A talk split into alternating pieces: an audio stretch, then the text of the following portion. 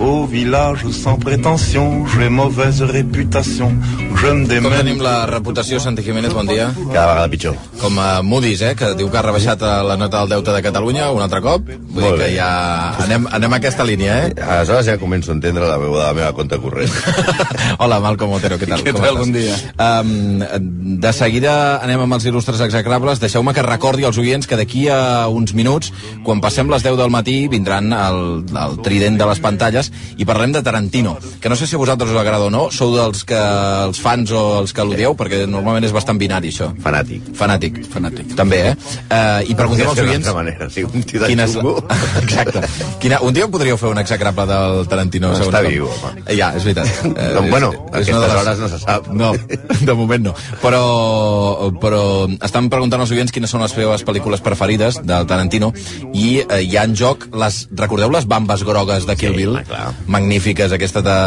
Com, eh, quan comença a tallar eh, cames i braços, doncs aquelles bambes estan en joc per un dels oients que, que ens enviï quines són les seves pel·lícules preferides de Tarantino. És que jo no em veig amb aquelles bambes. No? No. Per què no? A sopar, quedarien bé, eh, sí. a sopar quedaria molt bé. Ah, sí? En aquests sopars que fas i que perds. Endavant, uh, quin és el- l'execrable d'avui? Doncs avui entra al club dels il·lustres execrables un personatge al que farem descompte de grup, o millor dit, un carret familiar. Perquè la tropa dels Barrymore és per fer-s'ho mirar, eh? Mm. Com dèiem la setmana passada, les destileries del planeta no haguessin suportat un altre membre del clan. Un Barrymore, un Barrymore més i haurien de tancar per falta d'existències. Parlem de sis generacions de magnífics actors i actrius que ja trepitjaven escenaris i bars a l'Anglaterra del segle XIX i que ho han seguit fent fins ara als nostres dies. Considerats com a la família real de Broadway al seu temps, tots són uns perles, eh? Però sens dubte el més fascinant de tots és John Barrymore, nascut el 1882, mor el 1942, conegut a la seva època bona com el gran perfil, el príncep dels actors i també, malauradament, com el salvatge John.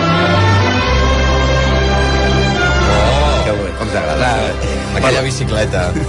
Pujant cap amunt. Clar, és que molta gent recorda el cognom Barrymore va associat a Drew Barrymore Clar. i aquella nena de T, no? Sí. Clar, i, i com ja veurem, tenir aquest cognom marca molt. Sí, eh? És, és la neta de, Ah, és la neta. És la neta de John Barrymore, el salvatge John. John va ser un actor magnífic, el rei dels teatres i de les pantalles durant els primers 30 anys del segle passat, però també el campió mundial dels borratxos i desmesurat a la seva relació amb les dones. Ell mateix reconeixia que és una infàmia dir que els meus problemes venen del fet de perseguir a les dones. Els meus problemes comencen després d'enxampar-les. Excel excel·lent, un perla. Fill de l'actor Maurice Barrymore, que va morir de sífilis el 1905, no es pot esperar menys d'un Barrymore. De morir de sífilis. Exacte. I, i l'actriu Georgina Drew va ser criat per la mare d'aquesta, la seva àvia, que es deia, alerta, Lois Lane, com la noia de Superman. Oh, boníssim. Tu imagines tenir una iaia que es digui Lois, Lois Lane? Lane. Sí, Lois. Lane. La iaia Lois. Per fer-nos una idea del personatge que era John, als 13 anys l'internen en un col·legi jesuïtes de Washington. El seu primer dia ell arriba amb la bossa tal, els capellans li diuen a veure què portes aquí, nen. I li troben, i li troben a la bossa eh, dos punys americans, d'aquests de, de, de plom per poder barallar-se bé, un paquet de tabac i una pataca de whisky. Amb 13 anys? Amb 13 anys. Excel·lent. Bé. Als 15 es converteix en l'amant de la seva madrastra, perquè la seva mare havia mort. Mary Floyd, un monument de dona que li ensenya tot allò que un adolescent només és capaç d'imaginar i ho porta a la pràctica. Aquest afer marca per sempre la seva relació amb les dones, a les quals sempre, de les quals sempre es malfiarà. Com va reconèixer la, a la enorme Mary Astor, una de les seves parelles, tens dret a odiar-me. Sóc un fill de puta. Vaja. No va haver-hi una reina de la bellesa, un- una companya de repartiment o una pubilla de l'alta societat que se li resistís en els seus bons anys. A totes les va fer molt feliç durant un temps i desgraciades la majoria de l'altre temps. Elsie James, actriu molt famosa a l'època del cinema mut, recorda que Barrymore va ser el meu primer amor i probablement l'últim, perquè una vegada comences a estimar-lo, torna cada poc temps com la malària o el lumbago. Metàl·lica, tu. Metàl·lica, com m'agrada aquesta cançó. I el videoclip és fantàstic, fantàstic. Què hi fan, al videoclip? Pues tu t'ho pots imaginar. Ja, d'acord. Surten moltes senyores. Ja, ja, ja. ja. Juntament, parlant de senyora, juntament amb les dones, la seva gran perdició va ser la beguda. Era pitjor que la reina mare d'Anglaterra, mm. que la van incinerar el 2002 i segueix cremant. Oh, Quan va- fuera, fuera. Oh, Quan arribes, per favor. quan arribes a Londres hi ha Per una, una favor, flama. serà animal. Quan va descobrir... No em recupero d'aquesta, ja. Quan va descobrir que fent pel·lícules es cobrava el triple i es treballava cinc vegades menys, va passar-se al cinema, clar. Era el terror dels directors, perquè si es presentava borratxo a recitar els monòlegs de Shakespeare, us podeu imaginar què faria amb un invent on es poden repetir les preses. Clar, el 1916, mentre, per exemple, una anècdota, quan, mentre filmava Los Bride, Los Bridegroom, és una pel·lículeta, de, és una comedieta que va sobre... Res, no té massa sentit. Va absentar-se del plató i el director el va anar a buscar on sempre, on sempre el trobava, que era l'hotel el bar de l'hotel Biltmore. El gran perfil, que estava allà bufant, el va dir, va, tornaré, tornaré al plató si de camí ens parem i fem una copa. Van trigar tres dies a tornar al plató. Si no estava mort, estava de parranda, no? Sí, la combinació de dones i alcohol va provocar anècdotes hilarants. En una festa, begut perdut, va equivocar-se i va entrar al lavabo de senyores. Escandalitzada, una dama de l'alta societat va dir «Senyor Barrymore, que això és per dones». Ell, mentre baixava la bragueta, i va respondre «Això també, senyora». Hosti, favor, quin papós, quin papós. Els seus matrimonis, que evidentment van ser, va tenir quatre, van ser tempestuosos i un monument a la infidelitat des del primer dia. Tot i que ell era molt gelós, eh? fins i tot eh, amb- a la seva segona dona, quan es va quedar embarassada, va fer que no anés al ginecòleg perquè no li agradava que la toqués a on l'havia de tocar. Perquè era un home. Perquè era un home, sí, sí. Clar, en aquella època els ginecòlegs només eren homes. Clar, clar.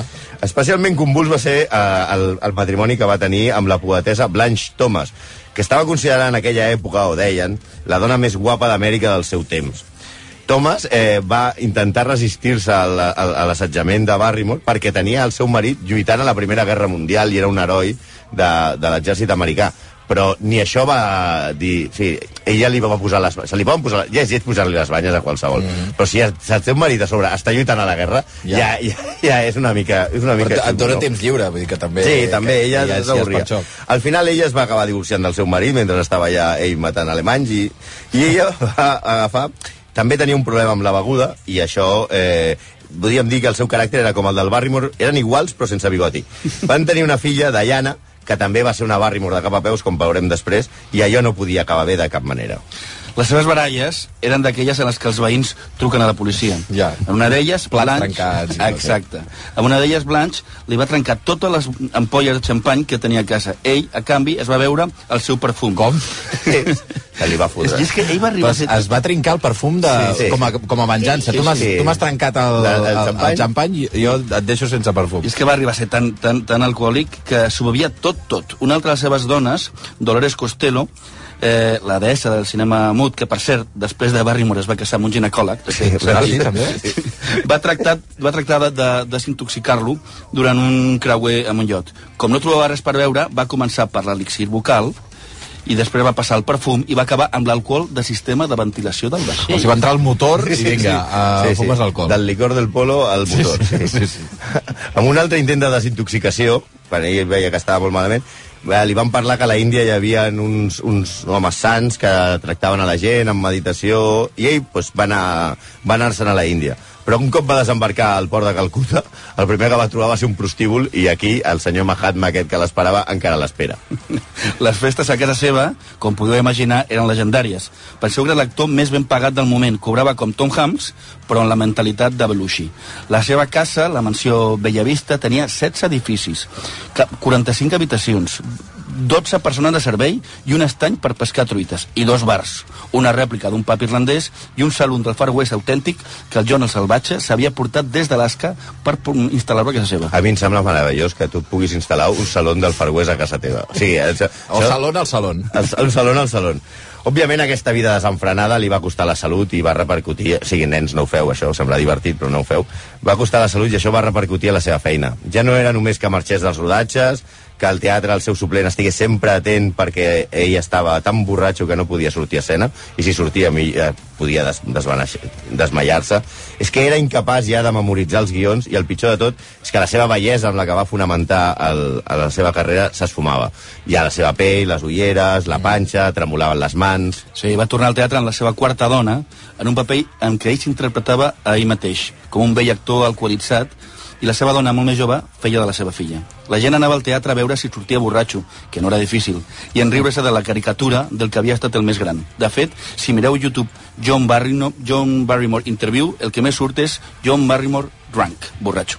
Van començar els seus desvaneixements a escena i va haver de ser ingressat en més d'una ocasió. Es va veure obligat a deixar el teatre i va passar a la televisió on anava de convidat als shows de les velles glòries com eh, WC Fields o de Groucho Marx. Pels de l'ESO, WC Fields i Groucho Marx eren com l'Olulojo eh, o Auron Plane, Sí. però fent gràcia. I pels d'abans de l'ESO, Auron Plane o l'Olulojo són dos de substancials que fan vídeos a internet. Enmig d'un d'aquests programes eh, es va trobar malament, va sortir perquè volien el servei i va caure al passadís eh, ja fatal. El van portar a l'hospital però ja no en va sortir. Patia pneumonia, nefritis, cirrosis i una úlcera gàstrica. Sí.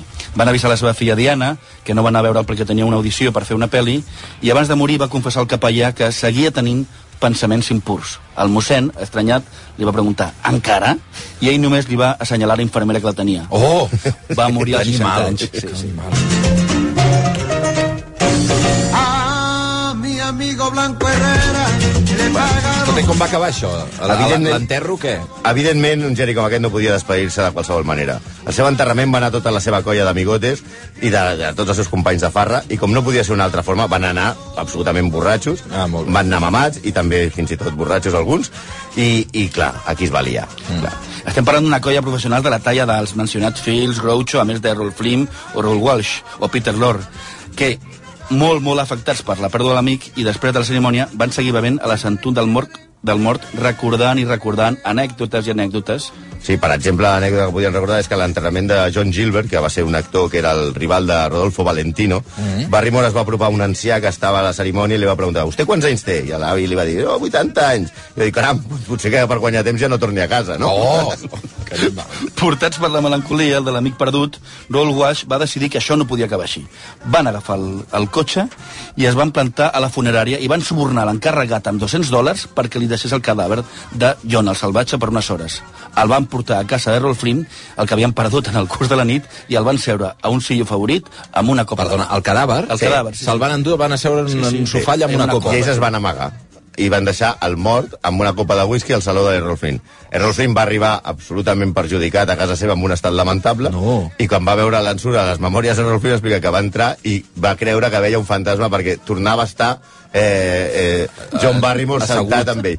Alguns diuen que fins i tot ella es va seure i, i va dir-li que mala cara tienes, tómate otra copa. Però clar, venia al seu enterro i això em sembla que ja és llegenda. Que bèstia. Sí, podíem, podíem ser, seguir parlant de, de, De tota la família. D'aquesta família, perquè té el seu germà Lionel, el que va anar en cadira de rodes, i eh, es va frenar no com a actor ni com a amant de la seva germana Ethel, que va arribar a ser amant de Churchill, de la seva filla Diana, que va acabar fatal també, el seu fill John, que per allunar-se de l'alcohol va acabar d'ermitar al desert de Califòrnia, o de la adorable Drew, que als 9 anys fumava, als 10 ja era alcohòlica i als, 13, i als 13 era addicte a la cocaïna.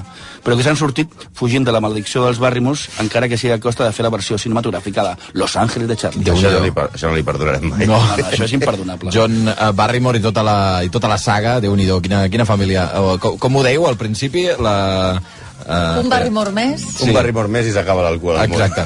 Uh, la, se- la setmana que ve, què? La setmana que ve anirem, eh, seguirem amb Hollywood, Ah. però també per la versió empresarial. Parlarem d'un home maligne en tots els aspectes que ha arruïnat la, la infància de molta gent i que és un gran torturador modern. Walt Disney.